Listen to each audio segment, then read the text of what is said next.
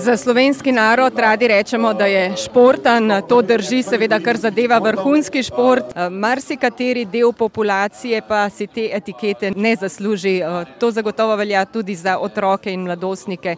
Kdo menite, bi lahko storil v tej smeri več, da bi se otroci več gibali, da bi bili aktivni in da pravzaprav ne bi začeli uporabljati oziroma nadaljevali z uporabo besede, da so današnji otroci zakrnjeni? No, začne se pri starših, v šolah, v vrtcih in seveda potem naprej pri, pri univerzah no, in na vse zadnje v klubih. Vendar bi pa tukaj mogoče mečkano popravil to mnenje, ki je resnično v tem smislu, da se premalo mladih ukvarja s športom. Slovenija in slovenci, slovenke smo izreden športni narod. Po športnih uspehih resnično na samem, samem svetovnem vrhu.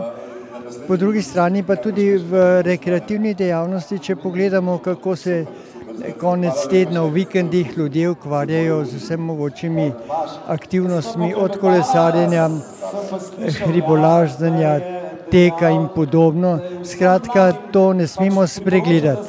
Res pa, da pri mladih, predvsem šoloobveznih otrocih, opažamo, da je preveč sedenja in premalo gibanja. No, v tem smislu seveda je potrebna določena skrb, da jih premaknemo potem iza mis in se stolov v eno gibanje, v eno aktivnost. In mislim, da pri Olimpijskem komiteju se tega z raznimi tovrstnimi aktivnimi akcijami zelo poslužujemo in da smo pravzaprav sredi dogajanja. Kaj pa poznavanje zgodovine slovenskega športa pri naših najmlajših otrocih, mladostnikih? V jutranjih urah smo imeli na valu 202 športno zgodbo in Aleš Smrekar je spraševal otroke po imenih znanih slovenskih športnikov, ki so gradili zgodovino slovenskega športa, ampak mladi kaj dosti o teh imenih ne vedo.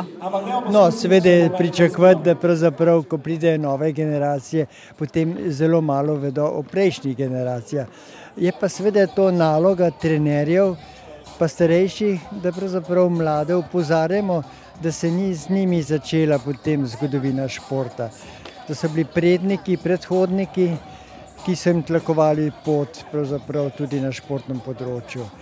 Zato je primerno in potrebno, tako kot sem povedal, da opozorimo tudi na svojo preteklost in na ta način tudi mladim posredujemo tudi tiste lepe dneve slovenskega športa, ko se mladi še niso rodili.